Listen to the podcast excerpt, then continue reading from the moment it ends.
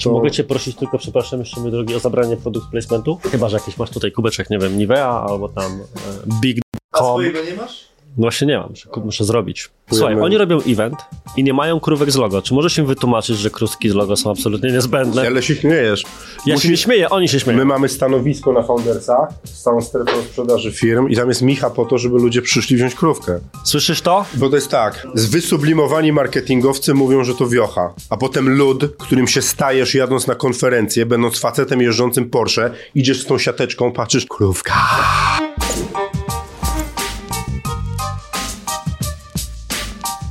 Dzień dobry, dzień dobry, dzień dobry. Witam Cię w kolejnym odcinku mojego programu konkretnie o marketingu. I już po zmienionym kadrze możesz się domyślać, że ten odcinek będzie inny niż standardowe.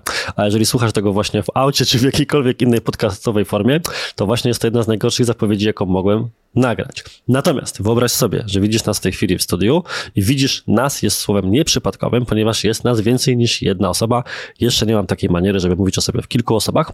I może po prostu powiem, że moim dzisiejszym gościem jest Paweł Korycki ze sprzedajfirmę.com i porozmawiamy sobie Między innymi właśnie, jak nazwa tegoż biznesu by sugerowała, o sprzedawaniu firm i nie tylko. Także cześć Pawle. Cześć, witam cię serdecznie i bardzo dziękuję za zaproszenie.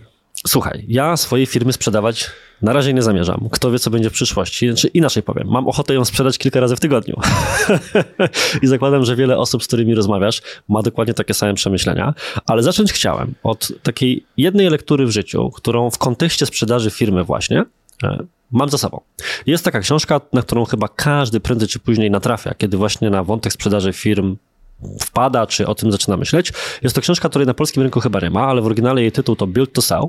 I to jest książka, która kończy się takim przekazem, że masz firmę zbudowaną na sprzedaż, to po co ją sprzedawać? Więc pytanie właśnie do ciebie. Jeżeli ktoś ma dobrze funkcjonujący biznes, generujący mu ileś procent zysku miesięcznie, to po co go sprzedawać? Wiesz co, jak trzy lata temu zakładaliśmy e, tą firmę, którą się zajmujemy i zaczynaliśmy mówić o sprzedawaniu firm, bo u nas to wyszło naturalnie. Sprzedaliśmy swoje poprzednie biznesy i doszliśmy do wniosku, kurde, nie, było, nie ma w tym pomocy dla MŚP, dla małych i średnich przedsiębiorców przy sprzedaży firm, róbmy to. I zaczynaliśmy mówić właśnie o tym, że firmę dobrze prosperującą, rozbudowaną, w kwiecie swojego wieku, najlepszą jaka może być, należy sprzedać. No i powiem ci tak, miałbym miliony złotych, gdybym dostawał złotówkę za każde stwierdzenie, że tylko ta sprzedaje dobrze działający biznes. Kto chciałby sprzedawać złotą kurę, znoszącą, kurę znoszącą złote jajka i tak dalej. Nie? A potem przyszła pandemia, zawinęła połowę biznesów gastronomicznych, e, sprawiła, że wiele firm w ogóle przestało działać, ale nie dlatego, że przedsiębiorca popełnił błędy zarządcze, nie dlatego, że ktoś zrobił błędy w firmie albo wydarzyło się coś innego biznesowego. Przyszła pandemia i te biznesy znikły. I nagle ci ludzie, z którymi my rozmawialiśmy wcześniej, stwierdzili, mogłem mieć 10 milionów złotych, a teraz mam zero. Dlatego firmy powinno się sprzedawać, kiedy one są na, na, swoim piku istnienia.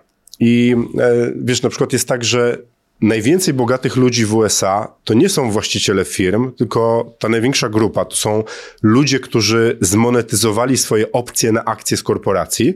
To są byli korporacjusze, którzy wyszli z firm. To, to, są, to, to jest największa liczba milionerów w USA. A druga największa grupa milionerów to są ludzie, którzy sprzedali swoje firmy. I u nich w ogóle firmę buduje się po to, żeby ją sprzedać. Mamy takiego mentora y, Tada Witkowicza, y, polskiego, y, znaczy miliardera, który mieszka w USA i jak my mu opowiadamy o nasz, naszym biznesie, on mówi w Stanach, jeśli nie budujesz firmy na sprzedaż, to możesz mieć na przykład problem z finansowaniem. Bo oni wiedzą, że to, ta, ta droga wygląda w ten sposób, budujesz, sprzedajesz, budujesz następne, bo masz już pieniądze. Okej, ale to jest wątek, wiesz, e, Stanów. Ja jednak chciałbym, żebyśmy trzymali się, przynajmniej na początku, bo oczywiście kontekst jest istotny, ale naszego, naszego rynku, plus to, co powiedziałeś e, w pandemii, to jest, mam nadzieję, jedyne takie wydarzenie w życiu, które nas spotkało e, i już się po prostu nie wróci, ani ta sytuacja nie powtórzy.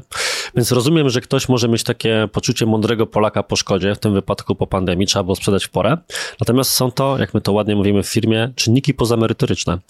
Natomiast zakładam, że być może są jakieś inne motywacje, o których mógłby się powiedzieć, w których osoba mająca dobrze prosperujący biznes nagle stwierdza, Chcę go sprzedać. Mhm. Bo oczywiście będą, wiesz, będą, będą, pewne osoby, które budują od początku firmę z takim nastawieniem i to absolutnie jestem w stanie zrozumieć. Ktoś wie, że chce coś wyskalować do jakiegoś etapu i to puścić na rynek. Natomiast pewnie istnieje kilka czynników, które sprawiają, że osoba, która nie miała takiego założenia na samym początku, nagle dochodzi do wniosku, nie, tę firmę, choć działa dobrze, jestem niezadowolony, należy sprzedać. Wiesz co, jest kilka takich głównych pobudek, które y, ja obserwuję i my obserwujemy, y, jeśli chodzi o klientów, którzy do nas dochodzą. Y, nasz kapitalizm jest młodszy ode mnie. To powoli przestaje być śmieszne. E, ale my się uczymy przedsiębiorczości w ogóle. Bo zobacz, mhm. większość przedsiębiorców nie pochodzi z rodzin, gdzie byli przedsiębiorcy, gdzie przy stole słyszałeś takie prawdy życiowe o, o prowadzeniu firmy i tak dalej i ciągle jeszcze traktujemy nasze firmy jak nasze dziecko. Tylko problem jest taki, że jak twoja firma jest twoim dzieckiem, to tego dziecka nie sprzedasz, nie zamkniesz lub nie, nie poddasz likwidacji, kiedy będzie trzeba. Nie? I wielu przedsiębiorców teraz zaczyna mieć następujące myśli. Po pierwsze są znudzeni tym, co robią. Wiesz, czasy tego, że ludzie pracowali po 30 lat w jednym zakładzie pracy, kocham tą nazwę, zakład pracy, się skończyły. Ludzie pracują po 2, 3, może 4 lata w jednym miejscu i chcą robić coś innego. I to samo jest z przedsiębiorcami. Ludzie otwierają firmy, rozbudowują je. Z naszej obserwacji wynika, że zbudowanie firmy do momentu, kiedy ona jest wartościowa, to jest minimum 7 lat. W tych branżach takich, w cudzysłowie, nowoczesnych, internet, y, software house i tak dalej 5 lat, standardowo 10. Ale tu zobacz, jesteś 10 lat w jednym miejscu. Robisz jedno i to samo ciągle zarządzasz ludźmi tak samo i robisz te same rzeczy. Ludzie się nudzą. To jest pierwsza pobudka. Po prostu jesteśmy znudzeni. Chcemy robić coś innego. Druga rzecz to jest nowy pomysł na biznes. Masz fajnie działającą firmę i nagle przychodzą do ciebie pomysły albo ludzie i mówią Artur, słuchaj, zaczynam robić to i to. A ty mówisz, kurde, świetne chcę to robić. Ale już dorosłeś do tego, że nie da się robić dwóch firm naraz. To jest bardzo trudne. Poza tym w Polsce jest bardzo mało interim menedżerów, bo kapitalizm był mhm. za krótki. Tak. Nie wyprodukowali się. Więc dochodzisz do wniosku, chcę robić tamto, potrzebuję też na to pieniędzy, żeby startować nie tak jak teraz, organicznie, wiesz, ten przysłowiowy garaż, w którym startowałem, na nic nie było pieniędzy, reklama to był baner na płocie. I mówisz, chcę mieć kasę od początku, chcę być sam własnym inwestorem. No więc sprzedajesz to, co masz, startujesz nowe. To jest druga pobudka, robienie czegoś innego. Trzecia rzecz, która jest tragiczna, ale ludziom, którzy zakładali firmy w Polsce w latach 90., kończy się niestety data ważności. I pół biedy, jeśli oni przychodzą do nas, mają 67-70 lat i mówią: Panowie, panie, ja chcę mieć w końcu emeryturę ten etos przedsiębiorcy już dawno, dawno we mnie umarł, nie chcę, chcę mieć emeryturę, chcę mieć te swoje naście milionów i, i, i tak naprawdę, powiem ci, dla przedsiębiorcy jedyna pewna emerytura to jest zmonetyzowanie swojego biznesu w pewnym momencie. No bo my emerytur nie będziemy mieć, żaden z nas, e, więc należy w pewnym momencie sprzedać to, co mamy i sobie, kurde, kolokwialnie mówiąc, porozwalać hajs. Nie? Chcesz jechać do, wiem, na Malediwy, lecisz sobie na Malediwy, masz 20 milionów na koncie, możesz sobie na to pozwolić. Co więcej, wiesz ile statystycznie będziesz żył, więc możesz sobie rozwalać do woli. E, gorzej jest w momencie, kiedy sukcesja jest dla wszystkich zaskoczeniem. I przychodzą do nas dzieci, które w życiu nie chcą robić tego, co ich rodzice, bo zostali wykształceni w mieście i w tym mieście już zostali. I nie będą wracali do zakładu produkcyjnego, który jest fajnym zakładem produkcyjnym, ale nie chcą mieszkać na, no na wsi, no. Czyli to jest trochę taki e, czwarty scenariusz, czyli niechęć do dziedziczenia tak. przez potomstwo. Mhm. Według różnych statystyk między 7 a 10% firm w Polsce ma dziedzica. W ogóle. Całą resztą trzeba będzie się jakoś zająć i je zagospodarować. E, I tu są dwa scenariusze. To jest sprzedaż po wartości działającego biznesu, czyli funkcjonującej firmy, jakąś metodą nożnikową, może DCF-em, y, lub sprzedaż po wartości likwidacyjnej, no to wtedy już sprzedajemy tylko majątek. Nie? I niestety to często jest zaskoczeniem, bo wiesz, przedsiębiorcom to się w ogóle załącza nieśmiertelność. My nie myślimy o tym, że będzie będzie jakiś koniec. Dla nas koniec to jest, kiedy my powiemy, że będzie koniec, bo zarządzam wszystkim, no to tym końcem firmy też zarządzam. A niestety końce u przedsiębiorców przychodzą dużo, dużo bardziej niespodziewanie niż, niż chcemy. Więc to z tych trzech rzeczy, takich, które najczęściej e, obserwujemy, sprzedaż firmy to jest, bo ktoś po prostu się znudził tym, co robi. Drugie to ma pomysł na biznes. Trzecie to, to, to jest sukcesja. A, a czwarty to y, mamy serdecznie dosyć tego, co robimy. Do tego wątku na pewno będę chciał jeszcze przejść, ale powiedz w takim razie, bo zacząłeś od tego, że kilka firm już sprzedałeś i stąd zająłeś się właśnie tym biznesem. To który scenariusz, zakładam, że nie trzeci, był twoim udziałem? Ja nienawidzę już mojej firmy. Przepraszam, że mówię to w ten sposób, ale to do tego dotarło. Mój wspólnik Maciej Stępa, który przy okazji jest moim mentorem, a ja trochę jestem jego mentorem. On jest ode mnie starszy, ale, ale wymieniamy się podejściem do życia, bo jesteśmy różni. Mamy różną konstrukcję y, osobowościową, dlatego nam wychodzą różne rzeczy. Od 10 lat w tym roku prowadzimy firmę. I on do mnie przychodzi w pewnym momencie. Słuchaj, mieliśmy firmę. 74 osoby zatrudnialiśmy. Cztery piętra w kamienicy. Boże, królestwo. Byłem przeszczęśliwy. I on przychodzi i mówi, słuchaj, Paweł, sprzedajemy to. To ja wybuchłem. A jaka branża? E, wiesz co, my mieliśmy taki mini holding, e, księgowość, gdzie mieliśmy w księgowości 300 klientów, na pełnej księgowości kancelaria prawna, podakowa, okay. grupa zakupowa. Taki zestaw, centrum usług wspólnych dla firm. Mhm. Wszystko robiliśmy. Pięknie to rosło. Problem... Samograj. Od pewnego etapu. Czy wiesz, to, Właśnie mówię nie. to tak złośliwie, bo w zasadzie zawsze trawa jest bardziej zielona i o każdej branży na zewnątrz ludzie zawsze patrzą mówią, nie no to to się już kula. Z zewnątrz wygląda świetnie. Z, z zewnątrz wyglądało świetnie i, i, ja powiedziałem Maciejowi dokładnie to, co, to, co słyszałem e, później od innych ludzi. No słuchaj, to jest, będzie zaraz złoty biznes, tylko ta to sprzedaje. Rok, chyba później, ja przyszedłem dosłownie zapłakany do niego, mając 40 mailów, bo coś nie działa e, dziennie, mówię mu, ja nie mogę. Ja mam serdecznie dosyć, musimy to sprzedawać. Maciek na szczęście nie, nie zachował się jak statystyczny, y, wiesz, człowiek krzewiący jakieś mądrości, a nie mówiłem. Trzeba było o tym y, działa, myśleć rok temu, tylko powiedział, ja rozumiem i, i też to widzę, jesteś wykończony.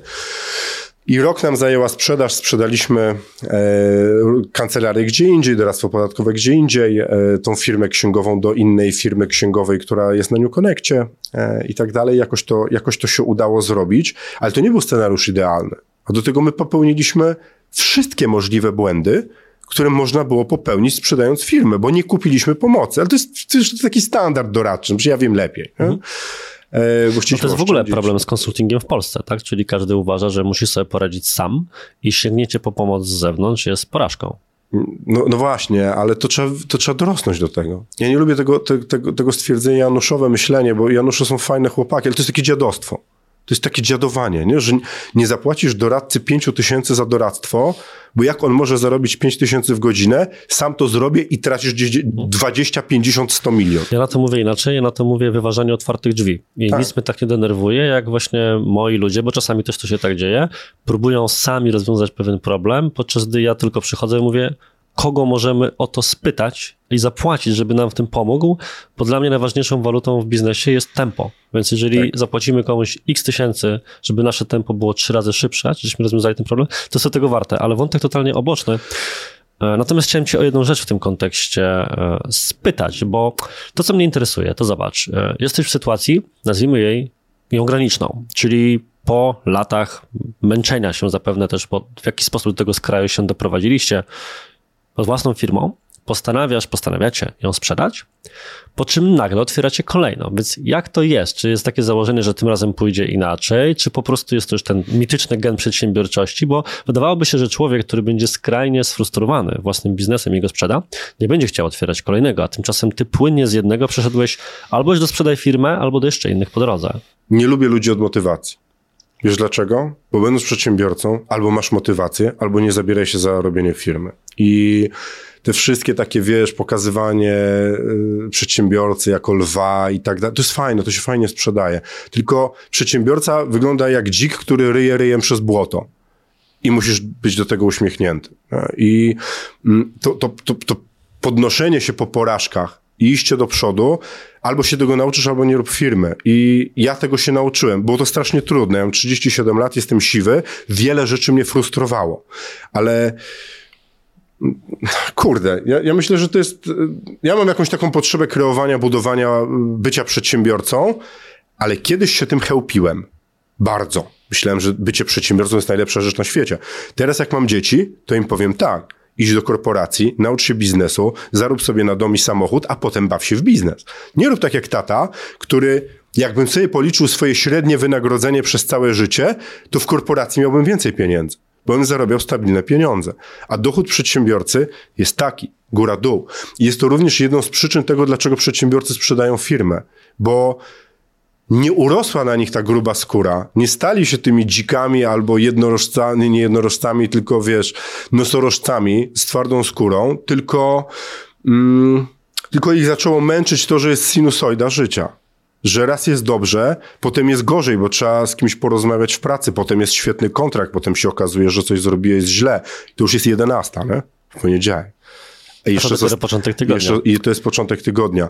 I, I to też jest jedna z przyczyn, to, to, ta frustracja, zmęczenie bycia przedsiębiorcą. Ale wiesz, z drugiej strony y, użyłeś takiego słowa, że to była porażka, Natomiast każdemu chyba życzyłbym, oczywiście wiesz, nie, nie umniejszając problemom psychicznym, które za tym stały, wszystkim co powiedziałeś, porażki, w której kaszuje, mówiąc kolokwialnie, dobrze funkcjonujący biznes, no bo jednak musiał być na tyle dobry, że ktoś miał ochotę go kupić i od razu z tego jest w stanie wejść następny.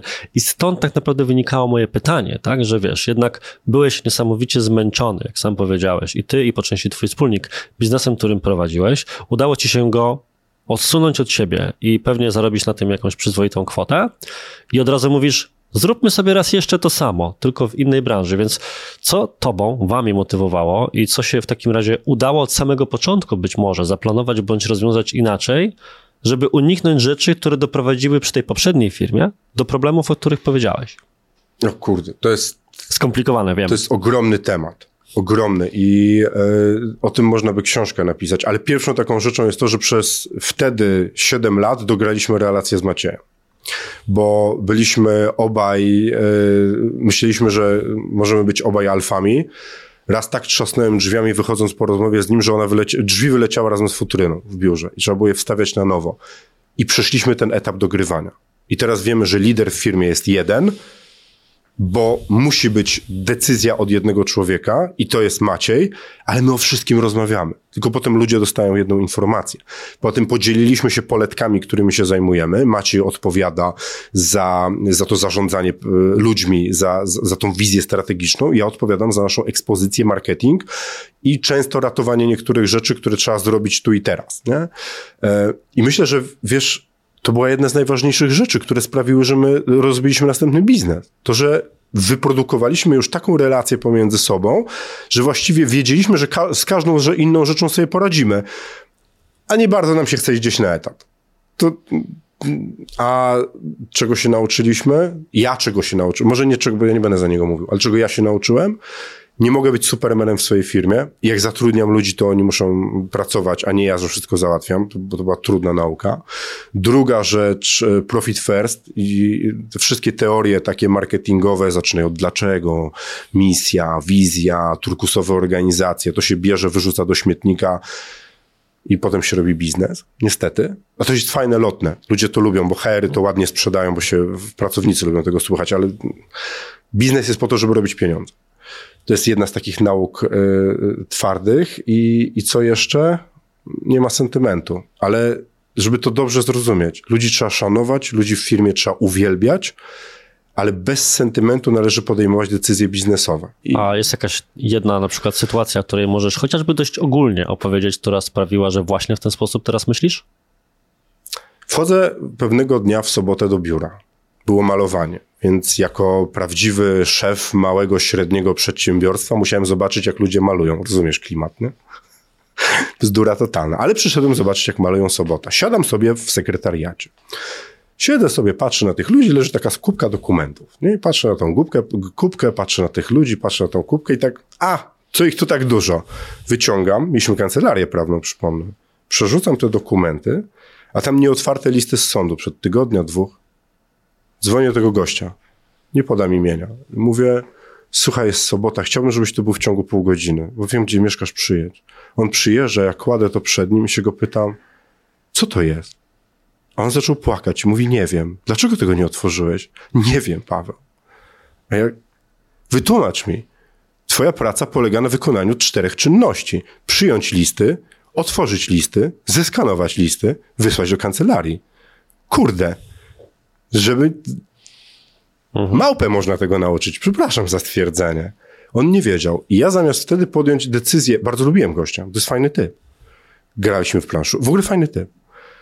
Zamiast go zwolnić wtedy, ja mu dwa razy jeszcze wymyśliłem później, co on innego mógłby robić w mojej firmie. I wiesz, co się wydarzyło tam te następne dwa razy?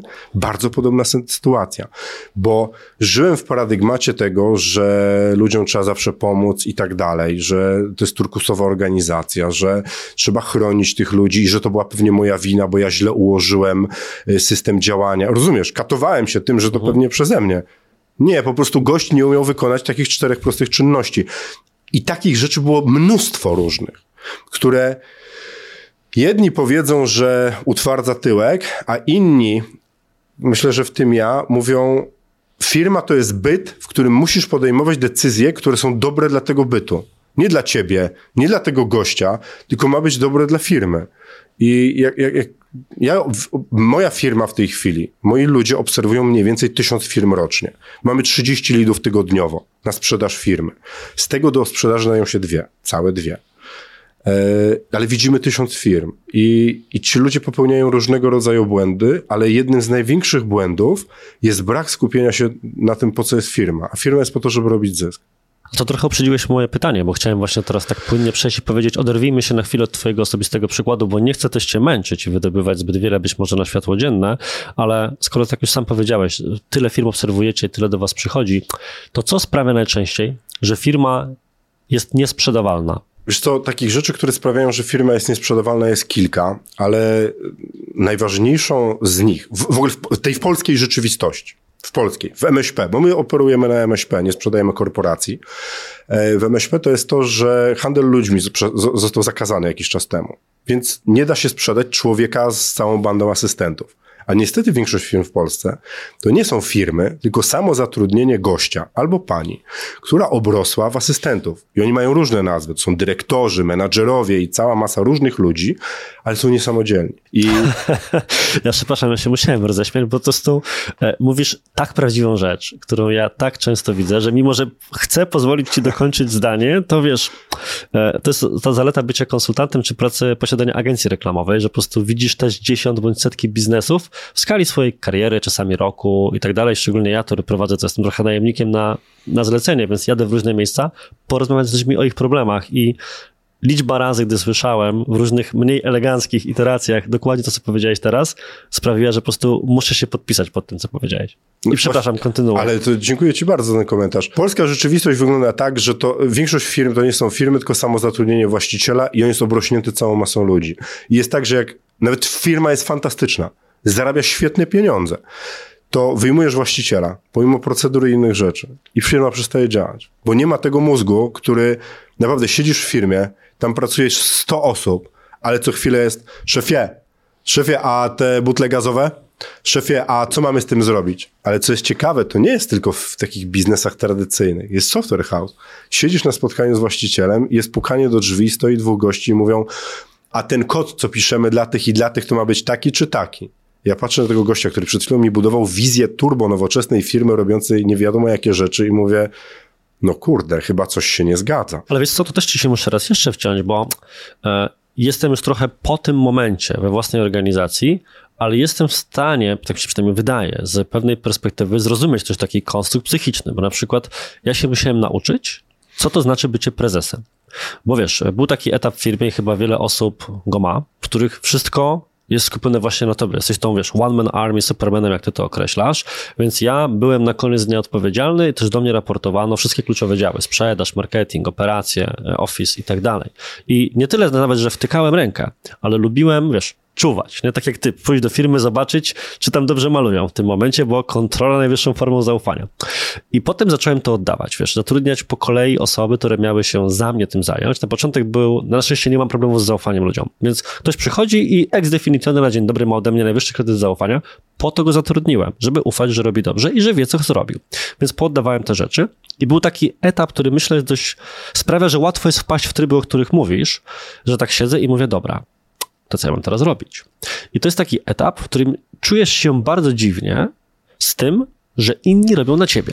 Oczywiście może to zależeć od czyjejś konstrukcji psychicznej, ale ja na przykład tak właśnie przez pewien czas miałem, że skoro ja już nie robię tej, wiesz, dirty work, takiego bezpośrednio przy kliencie pracy, na przykład bezpośrednio nad kampanią reklamową, bo robią ją głównie moi konsultanci, mój zespół, moi specjaliści i już nawet nie zarządzam tym zespołem, bo akurat u mnie w tej chwili zarządza Agata, którą serdecznie pozdrawiam i tak dalej, bo ja zajmuję się wtedy właśnie tymi trochę wizyjnymi czy takimi innymi elementami, to czy ja naprawdę pracuję, nie? Czy to nie jest tak, że teraz się właśnie z tego wyłączyłeś, czy to jest dobre, bo też w sumie, skoro wyrosłeś z tego, to chciałbyś to trochę robić. Więc wiesz, z jednej strony rozumiem, że niektórzy pozwalają sobie wejść na głowę i pewnie o takich scenariuszach bardziej mówisz, ale z drugiej strony w innych wypadkach, takich jak moich, to może z twojej własnej głowy wychodzić, bo chciałbyś czuć się potrzebny, czuć się dalej tym przedsiębiorcą, czuć się dalej, że zakasałeś rękawy i pracujesz. Otworzyłeś kolejną puszkę Pandory, bo to jest bardzo duży temat, ale ja odpowiem takim zdaniem. My w Radzie Nadzorczej mamy e, Ele Marciniak, e, współwłaścicielkę obecną Bakalandu i ona mówi następującą rzecz. W pewnym momencie budowania firmy musisz sobie odpowiedzieć na jedno pytanie. Chcesz być królem i mieć królestwo, czy być bogaty? Bo gdy chcesz być królem, to chcesz zarządzać swoimi podwładnymi, chcesz mieć to święte DW w wiadomościach mailowych i czytać, co oni tam robią, żeby przypadkiem nie spieprzyli, nie? To ty wiesz najlepiej. I robić całą masę różnych rzeczy, które są bez sensu, bo ja musiałem z tego wyrosnąć, bo ja mam ta, miałem, miałem takie podejście bycia supermanem, nie? Wiesz, ktoś mówi, że jest problem, przychodzisz, zrobiłeś i wracasz pełny chwały. Załatwiłem. To ja, ja, widzicie? Widzicie mnie w firmie? To ja załatwiłem, pomogłem, zrobiłem. No i teraz na to tak patrzę świetnie, czyli płacisz im za to, że ty chodzisz i naprawiasz rzeczy. No pięknie, geniuszu. Pięknie wydajesz pieniądze. Nie? I mm, można wyrosnąć z tego na dwa sposoby. Edukacją i po prostu obserwując ludzi dookoła. Myślę, że z 5% ludzi dochodzi w taki sposób do tej wiedzy, a pozostałe 95%, którym firmy nie upadną i będą dalej działali, są już tak przygnieceni trzymaniem nieba i trzymaniem ziemi, żeby się nie rozstąpiła, że zaczynają zauważać, że coś jest nie tak. I zaczynają robić coś innego. E, I na przykład ja w tej chwili coraz bardziej wychodzę z pracy operacyjnej z moim wspólnikiem. Zaczynamy się coraz bardziej skupiać na pracy koncepcyjnej. Na tym, żebym mógł przyjechać do pana Jabłońskiego i porozmawiać z nim o tym, co my robimy i zrobić coś, co jest bardzo dużo warte per godzina pracy, bo eks będzie ekspozycja, buduje z tobą relacje, będziemy, będzie to pokazane i tak dalej, a nie zajmować się pracą operacyjną. Bo do pracy operacyjnej można zatrudnić kogoś. Do tych rzeczy, które my robimy w tej chwili, trudniej. Ale wiesz, jeszcze wchodząc, bo to jest oczywiście wątek obok sprzedaży firmy, ale próbuję, bo też trochę jestem blisko takiego etapu, czy jestem świeżo po wyjściu z takiego trybu myślenia, więc jeszcze pamiętam, jak to było.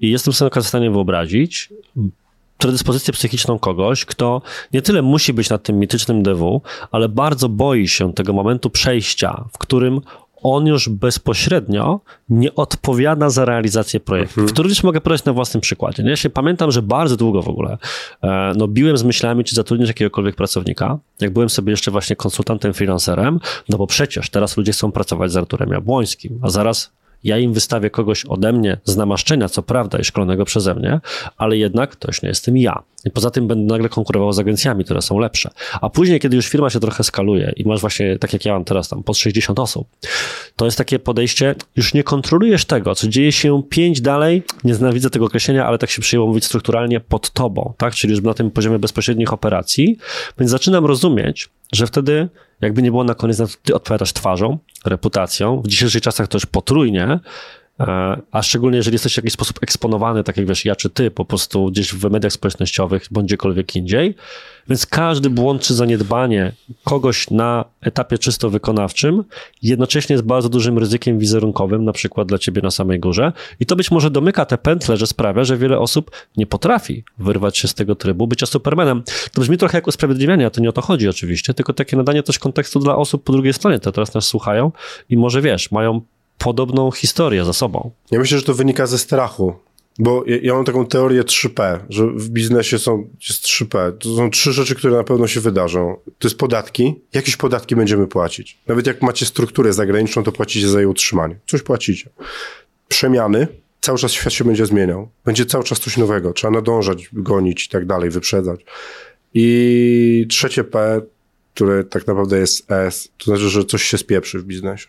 I strach przed tym, żeby się nie wydarzały rzeczy złe przez ludzi, którzy dla nas pracują, bo my tym będziemy odpowiadali, sprawia, że przestajemy ich zatrudniać i ich ciągle albo ich ciągle kontrolujemy. Wydarzy się. I to jest tak jak, yy, yy, widziałem kiedyś jakiś świetny rysunek. Stoi pani na przejściu dla pieszych z dzieckiem i trzyma je za rękę i obok stoi druga pani i nie trzyma dziecka za rękę. I ta pani z tym dzieckiem za rękę się pyta tej drugiej, jak pani to robi, że pani dziecko jest takie samodzielne? A ona mówi, pozwalam mu. I to samo jest z pracownikami. Oni popełnią błędy. Na 100%. I ty i ja jako prezesi będziemy musieli co jakiś czas odpowiadać za to naszymi twarzami.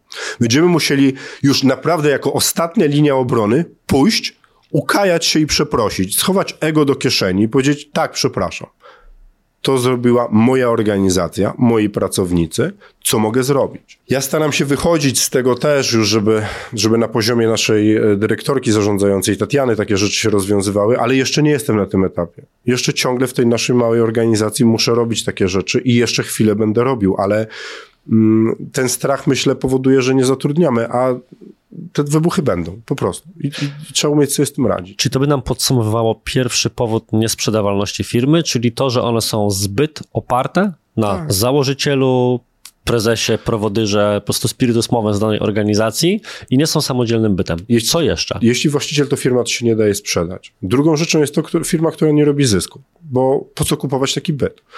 Yy, są dwa rodzaje inwestorów, tak w skrócie mocno, dużym. Yy, inwestor yy, branżowy i inwestor finansowy. Inwestor finansowy kupuje firmę tylko po to, żeby zwiększyć jej wartość i ją za mniej więcej 3 do 4 lat sprzedać z zyskiem. Zysk ma być 100%.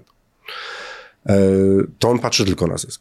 W ogóle zysk, który firma generuje, wolna gotówka, przepływ pieniądza, pieniądze, które firma robi. I w ogóle patrzenie w ten sposób na firmy zaczyna sprawiać, że budujemy biznesy, a nie swoje samozatrudnienie, bo większość firm w Polsce z sektora MŚP działa tak, że tam zostaje bardzo mało, bo nie płacimy podatków.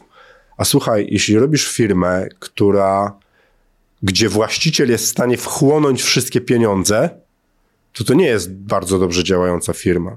Bo dobrze działająca firma to jest taka, która właścicielowi daje tyle kasy, że on ma na wszystko, na co mu starcza i zostaje jeszcze kasa dla właścicieli na rozwój biznesu. Może dopiero jako wypłata dywidendy dla właściciela i tak dalej. A większość firm ciągle jeszcze działa w tym takim paradygmacie, że podatek to ma być zero, nie? Znaczy podatek ma być jak najniższy, zerujemy, yy, zerujemy kasę, bo ktoś, kto przychodzi kupować tą firmę, skąd ma pewność, że to, co ty mu mówisz, że wydałeś na siebie, a nie na firmę, to można dodać do tego wyniku i on jest tak naprawdę lepszy, to jest prawda. Inwestor branżowy może patrzeć na inne rzeczy, które są w firmie, może, yy, może przymknąć oko na to, że nie ma zysku, yy, bo będzie chciał kupić jakąś twoją technologię, będzie chciał kupić ludzi, będzie chciał twoją metodę sprzedaży, będzie chciał twoją ekspozycję kupić, różnego rodzaju rzecz, rzeczy, ale słuchaj, taką podstawą funkcjonowania dobrej firmy i papierkiem lakmusowym mówiącym o tym, że ona jest dobrze działającą organizacją, jest zysk, który w niej występuje. Ale ten zysk, który dojechał, nie księgowy zysk pokazany w KNF-ie, gdzie mamy 3 miliony zysku, ale tak naprawdę mamy niezapłaconych faktur na 3 miliony, czyli jesteśmy mm 800 tysięcy złotych w podatkach w plecy uproszczenie. Proszę, żeby mnie księgowi nie, nie cisnęli za nic. E, tylko ten taki prawdziwy zysk, który dojechał, bo problemy z windykacją też świadczą o, o braku jakości firmy, więc myślę, że drugą przyczyną niesprzedawalności firm to są firmy, które nie generują prawdziwego zysku. Czyli, żeby to dobrze wybrzmiało, z Twojej perspektywy, jeżeli ktoś myśli o swoim biznesie jako o biznesie, który chce potencjalnie w perspektywie kilku najbliższych lat sprzedać, to wszelkiej maści operacje, które mają za zadanie zmniejszyć podatki, coś zoptymalizować, zahachmęcić i tak dalej, są od razu czerwoną flagą dla potencjalnego inwestora. Te, które są, zmniejszają w sposób legalny, trzeba wyjaśnić, ale to, co powiedziałeś, zahachmęcić to jest trzecia przyczyna niesprzedawalności firmy. To są dziadowskie lub nielegalne optymalizacje podatkowe. I co my przez to rozumiemy? Płacenie, ludziom, płacenie ludziom pod stołem. E, dlaczego? Bo płacenie ludziom, nie płacenie ludziom pod stołem wynagrodzeń może wybuchnąć nam za 5, nawet 6 lat. I co z tego, że to robił poprzedni prezes i właściciel? Najpierw my będziemy odpowiadać i będziemy się tłumaczyć z działań spółki, która jest teraz nasza, przed sądem, że to robił tamten gość. wygramy. Jest duże prawdopodobieństwo. Tylko tak, spółka dostanie karę, tamten gość będzie miał postępowanie karno-skarbowe, a my tracimy miesiące na spędzaniu w, w, w sądach. Nienawidzę tego, bo miałem kilka takich No, spraw, w nikt nie których lubi. brałem udział, nie? bo to jest marnowanie czasu. E, Zresztą wiem, że są branże, w których, e, no, w których to jest na porządku dziennym. No, niestety później często się takie rzeczy trudno sprzedaje. Kolejną rzeczą są nielegalne optymalizacje podatku robione przez struktury międzynarodowe. Polskie prawo wbrew pozorom jest całkiem proste w tym względzie. Jeśli jesteśmy dłużej niż 183 dni w Polsce, to płacimy tu podatki. Jeśli miejsce powstania, jeśli mi- miejsce powstania kosztu i w ogóle praca odbywa się na terenie Polski, to płacimy w Polsce podatki. Jeśli centrum interesów życiowych nasze jest w Polsce, to płacimy w Polsce podatki. Są różne konstrukcje robione z LTD, ze spółkami estońskimi i innymi w sposób nieprzemyślany gdzie wisi odpowiedzialność również karno-skarbowa, która wybuchnie za jakiś czas, bo wiesz, my, my, że wiele osób żyje w takiej świadomości, że urząd skar- w urzędzie skarbowym pracują ci. E, My ostatnio pozyskali, pozyskiwaliśmy finansowanie i przyszła, szedł do nas KNF e, sprawdzić dokumentację, którą sprawdzili, powiedzieli spoko, to jest dobrze, tutaj chcielibyśmy, żebyście zmienili, ale generalnie jest ok. Ja się pytam, to co? Ktoś nas do, do nas, na nas doniósł o to do was. A Oni mówią, nie proszę pana, używamy takiego narzędzia jak Brand24 i sprawdzamy wzmianki ze słowem emisja w internecie, dlatego do pana przyszliśmy. I w tym momencie wszyscy ludzie patrzący na administrację, że no wiesz, banda, Proszę, proszę. banda prostych ludzi yy, mówią, o kurde, jakim cudem. Bo Oni tak normalnie sobie używają już tych technologii. Nie no, to jest mi, w takich instytucjach pracują bardzo kumaci ludzie, więc to też chciałbym, żeby to wybrzmiało. Miałem nieraz okazję pracować, no nie może z urzędem skarbowym, bo to nie o to chodzi, ale na różnym etapie To KNF urzędów, nawet. KNF, urzędów marszałkowskich, miejskich, które też wiesz, jaką mają opinię, tam są bardzo mądrzy ludzie, czasami po prostu skostniałe procedury, bądź mityczna góra, umówmy się, nie pozwala pewnych rzeczy zrealizować. Natomiast w takim razie, bo trochę do tego wątku wspomniałeś wcześniej, w kontekście tej pracy na czarno, czy są jakieś typy biznesów, branże, które sprzedaje się najłatwiej i takie, które się sprzedaje najtrudniej? Czy to jest daleko idące uproszczenie, nie da się tego tak, wiesz, posegmentować typu per branża, per kategoria, per typ usługi? W, wręcz jest tak, że w bardziej rozwiniętych e, rynkach M&A e, to są firmy, które specjalizują się na przykład tylko w sprzedawaniu firm z branży medycznej, tylko w sprzedawaniu księgowości, tylko w sprzedawaniu e, firm samochodowych i tak dalej. Polska jest za małym rynkiem. W ogóle, bo my operujemy w Polsce i trochę na Europie Wschodniej, to nie można się specjalizować, bo jest za mały rynek. E, Ale co się łatwo sprzedaje? Software house'y się łatwo sprzedają. Teraz następuje w ogóle konsolidacja software A house'ów. dlaczego je się łatwo sprzedaje? Bo jest ciśnienie ciągle na, soft, na, na, na programistów i często jest łatwiej kupić software house y, cały z zarządem, z, ze sposobem ich działania, z tymi ludźmi, którzy są w środku, niż robić rekrutację. Nawet czasem jest taniej. Taniej to wychodzi niż samemu rekrutować. Y, Poza tym w sytuacjach, kiedy ludzie mają projekty i istnieje cień szansy, że ich nie dowiozą, a kara idzie w miliony, to wolą kupić moc produkcyjną, wstawić tą produkcję i dowieść kontrakt, niż, niż się wysypać. A y, w programowaniu to jest stosunkowo łatwe, bo się po prostu ludziom mówi, że mają robić to i to. Potem następuje konsolidacja branży, y, branży programistycznej, software house'ów, y, wi- więc to się na pewno fajnie sprzedaje. Fajnie się sprzedaje takie rzeczy, które, które mają swoje produkty. Sasowe rzeczy się super sprzedaje, one idą na fajnych mnożnikach. Fajnie się sprzedaje biznesy, które mają swoje produkty i udowadniają, że one są sprzedawane. Takie, w które ktoś może wejść. Co się ciężko sprzedaje? No, Agencje reklamowe. agencje reklamowe się ciężko sprzedaje, bo one bardzo często są oparte o wizerunek jednego człowieka. E, Takie firmy jak moja, póki co, kiedy ona jest oparta na wizerunku moim i Maćka, będzie ciężko sprzedać. W ogóle wszystko to, gdzie wiesz, nawet firma może sama działać, ale y, tym y, człowiekiem ściągającym je- jest ten gość, nie? Albo ta pani, któ- która ściąga. Ale czy, czy są jakieś branże, których się definitywnie nie da... Łatwiej mi powiedzieć, co się na pewno dobrze sprzedaje, co jest łatwe do sprzedaży, bo to widzę, niż to, czego się nie da sprzedać. Ale dlaczego pytam? Bo na przykład e, spytałem cię o to, co się sprzedaje najłatwiej i póki co wymieniłeś wszystko ze świata technologiczno-produktowego. A nic usługowego. Stąd mój przykład agencji reklamowej trochę był takim punktem wyjścia, czy, bo zazwyczaj też jak rozmawiam z kimś o tym wątku, to panuje chyba takie przekonanie na rynku, że firma usługowa jest cięższa do sprzedania, no bo właśnie jest zależna od ludzi, nie ma własnego produktu oderwanego od kadry. I czy to potwierdzasz, czy wręcz przeciwnie? To niestety to zależy. I tutaj każdy, każdy, inaczej. E, pychą z mojej strony byłoby powiedzenie, że wiem, że któreś tam branże są na pewno definitywnie niesprzedawalne albo sprzedawalne, bo tutaj masz czynniki typowo handlowe. Cena plus jakość tego, co sprzedajesz. I może być tak, że ty w swojej firmie, która już jest spora, 60 osób mówisz zatrudnia, mhm. po wyjęciu ciebie będzie dalej funkcjonować bo jeszcze ty zrobisz to w sposób mądry, to znaczy będziesz ją sprzedawał. Firmy się sprzedaje mniej więcej rok. Tak generalnie. Więc przeprowadzisz tą sprzedaż w bardzo, bardzo dobry sposób, to znaczy zrobisz kompany branding, pokażesz swoją firmę jako świetną rzecz i jeszcze będziesz w czasie sprzedaży już stawiał innych ludzi na swoje miejsce. Znaczy powiesz, usiądziesz jako pan Artur, który jest szefem wszystkich szefów w tej chwili i powiesz, to są, to, to są ludzie, którzy przejmują za mnie sterowanie tym statkiem i płynnie znikniesz. I a agencja będzie dalej funkcjonowała. Jest to do zrobienia, ale wiesz, to jest taki wątek e, budowania firmy na sprzedaż, bo niektóre firmy do nas przychodzą i my je szykujemy do sprzedaży. To było trochę punktem wyjścia do takiego właśnie pytania, że zakładając, że ktoś, czy słuchając ciebie, czy po prostu na podstawie wcześniejszych przemyśleń, już jest po tym momencie decyzji, że kończy kopanie się z koniem i chce faktycznie sprzedać firmę, to poza oczywiście, wiesz, wejściem na waszą stronę, ewentualnie skorzystanie z pomocy, jak się w ogóle przygotować do takiego procesu, czy jak taki proces wygląda, bo myślę, że wiele osób nie ma świadomości, z czym się to wiąże. Ja bym wyszczególnił pięć takich rzeczy. No to pierwsza, oderwanie firmy od właściciela, wdrożenie ludzi, którzy będą za nas zarządzali lub y, odpowiadali za pewne rzeczy w firmie.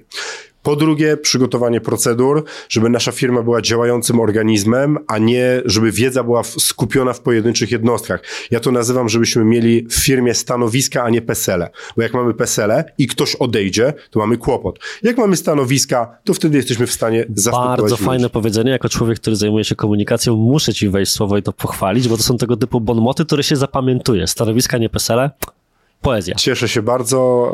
E, doszliśmy do tego też, że tak powinno być w firmie. Trzecią rzeczą jest e, policzenie tego, ile, jak, ile, jak i gdzie się robi pieniądze. 90% polskich firm, wyobraź sobie, nie ma budżetu. W to jest mi ciężko uwierzyć. Ale w ogóle nie ma takiego nawet, wiesz, w Excela wpisanego e, budżetu, albo ma budżet, który gdzieś kupili, przyjechał bardzo dobry specjalista od robienia budżetów, zrobił im gigantyczną tabelkę, z tabelami przestawnymi, z milionami różnych wyznaczników i oni z nią zostali i nie uzupełniają. Budżet powinien być zrobiony pod nas, pod naszą firmę i powinien być taki, żebyśmy go uzupełniali. Bo lepszy jest ogólny budżet niż ten świetny i niewypełniany. Tu się aż muszę wtrącić, bo byłem na takim etapie, gdzie właśnie z pomocą zewnętrznej firmy przygotowałem sobie dokładnie taki cudowny arkusz, jak mówisz, z 20 Excelami, a w momencie, w którym za coś płacisz ci komuś zlecasz i ktoś ci zadaje pytanie, co byś tam chciał mieć, to generujesz rozwiązań milion. Więc ja byłem na takim etapie, który może nawet jest słuszny, że byłem w stanie policzyć przychód z roboczo godziny każdego specjalisty na każdym projekcie. I ktoś powiedziałby, ej, ale super, poukładane i tak dalej, ale potem na koniec dnia, tak człowiek oceniając specjalistę na przykład, czy kwalifikuje się na podwyżkę, czy nie wiem, na reprymendę, na cokolwiek, no nie patrzysz na to, bo jest to tylko jeden element równania, a liczy się też ten aspekt czysto osobowościowy, ludzki, ocenia menadżera, kompetencje miękkie i tym podobne, plus właśnie wypełnianie tego wszystkiego przez zespół menadżerów było po prostu udręką, więc skończyło się teraz na tym, że mamy uciętą aż tak szczegółową metodę mierzenia poszczególnych pracowników, budżet bardziej właśnie per projekty, per zespoły i ogólny taki, o którym mówisz, który sami sobie uzupełniamy już bez pomocy i bez wydawania pieniędzy na zewnętrznych konsultantów w tym zakresie, ale on faktycznie funkcjonuje w firmie i jest narzędziem wspierającym. Więc tak chciałem też to zahaczyć troszkę obok twojego wątku, że lepsze jest takie rozwiązanie niż żadne, a niekiedy nawet lepsze niż te super szczegółowe. Ja w ogóle uważam, że szczegółowe rozwiązanie możemy mieć dopiero wtedy, kiedy mamy dyrektora finansowego w firmie, który tylko tym się zajmuje. Bo kiedy twój menadżer zajmuje się wypełnianiem tabelek, to nie zajmuje się managementem. Kiedy twój sprzedawca wypełnia tabelki, to nie sprzedaje. A kiedy człowiek od reklamy wypełnia tabelki, to nie robi reklam. I tu jest problem, bo człowiekowi robiącemu e, budżety zależy na tym, żeby się pokazać z jak najlepszej strony, pokazać jak najwięcej umie i zrobić ci taki budżet wyjechany, żebyś ty powiedział, o, ale to nie o to chodzi, bo twoja firma ma używać budżetu jako wsparcia do jej działalności biznesowej, a nie, że całe życie firmy kręci się wokół budżetu. Budżet jest narzędziem do robienia biznesu, a nie odwrotnie.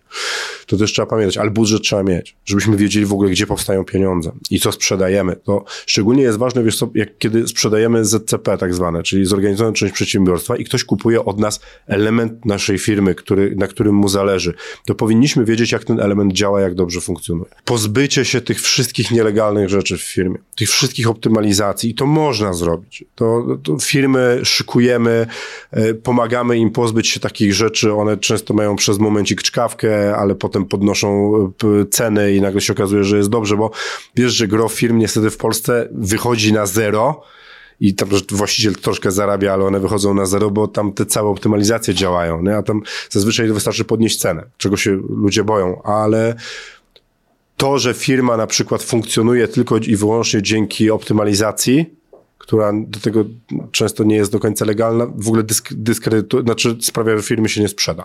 Ale szykując firmę do sprzedaży, należy się pozbyć tych rzeczy, może przenieść działalność do innej spółki, już pokazywać ją jako bardzo czyste, fajne miejsce, o tym, co było zapomnieć i, i sprzedawać ten nowy byt. I myślę, że tym momencie możemy postawić kropkę, bo rozmawiamy już praktycznie godzinę, a wedle mojej wiedzy na temat algorytmów YouTube'a i ich oglądalności nie powinniśmy nagrywać odcinków powyżej godziny i też tutaj nasza kochana ekipa operacyjno-montażowa nam coś takiego sugeruje.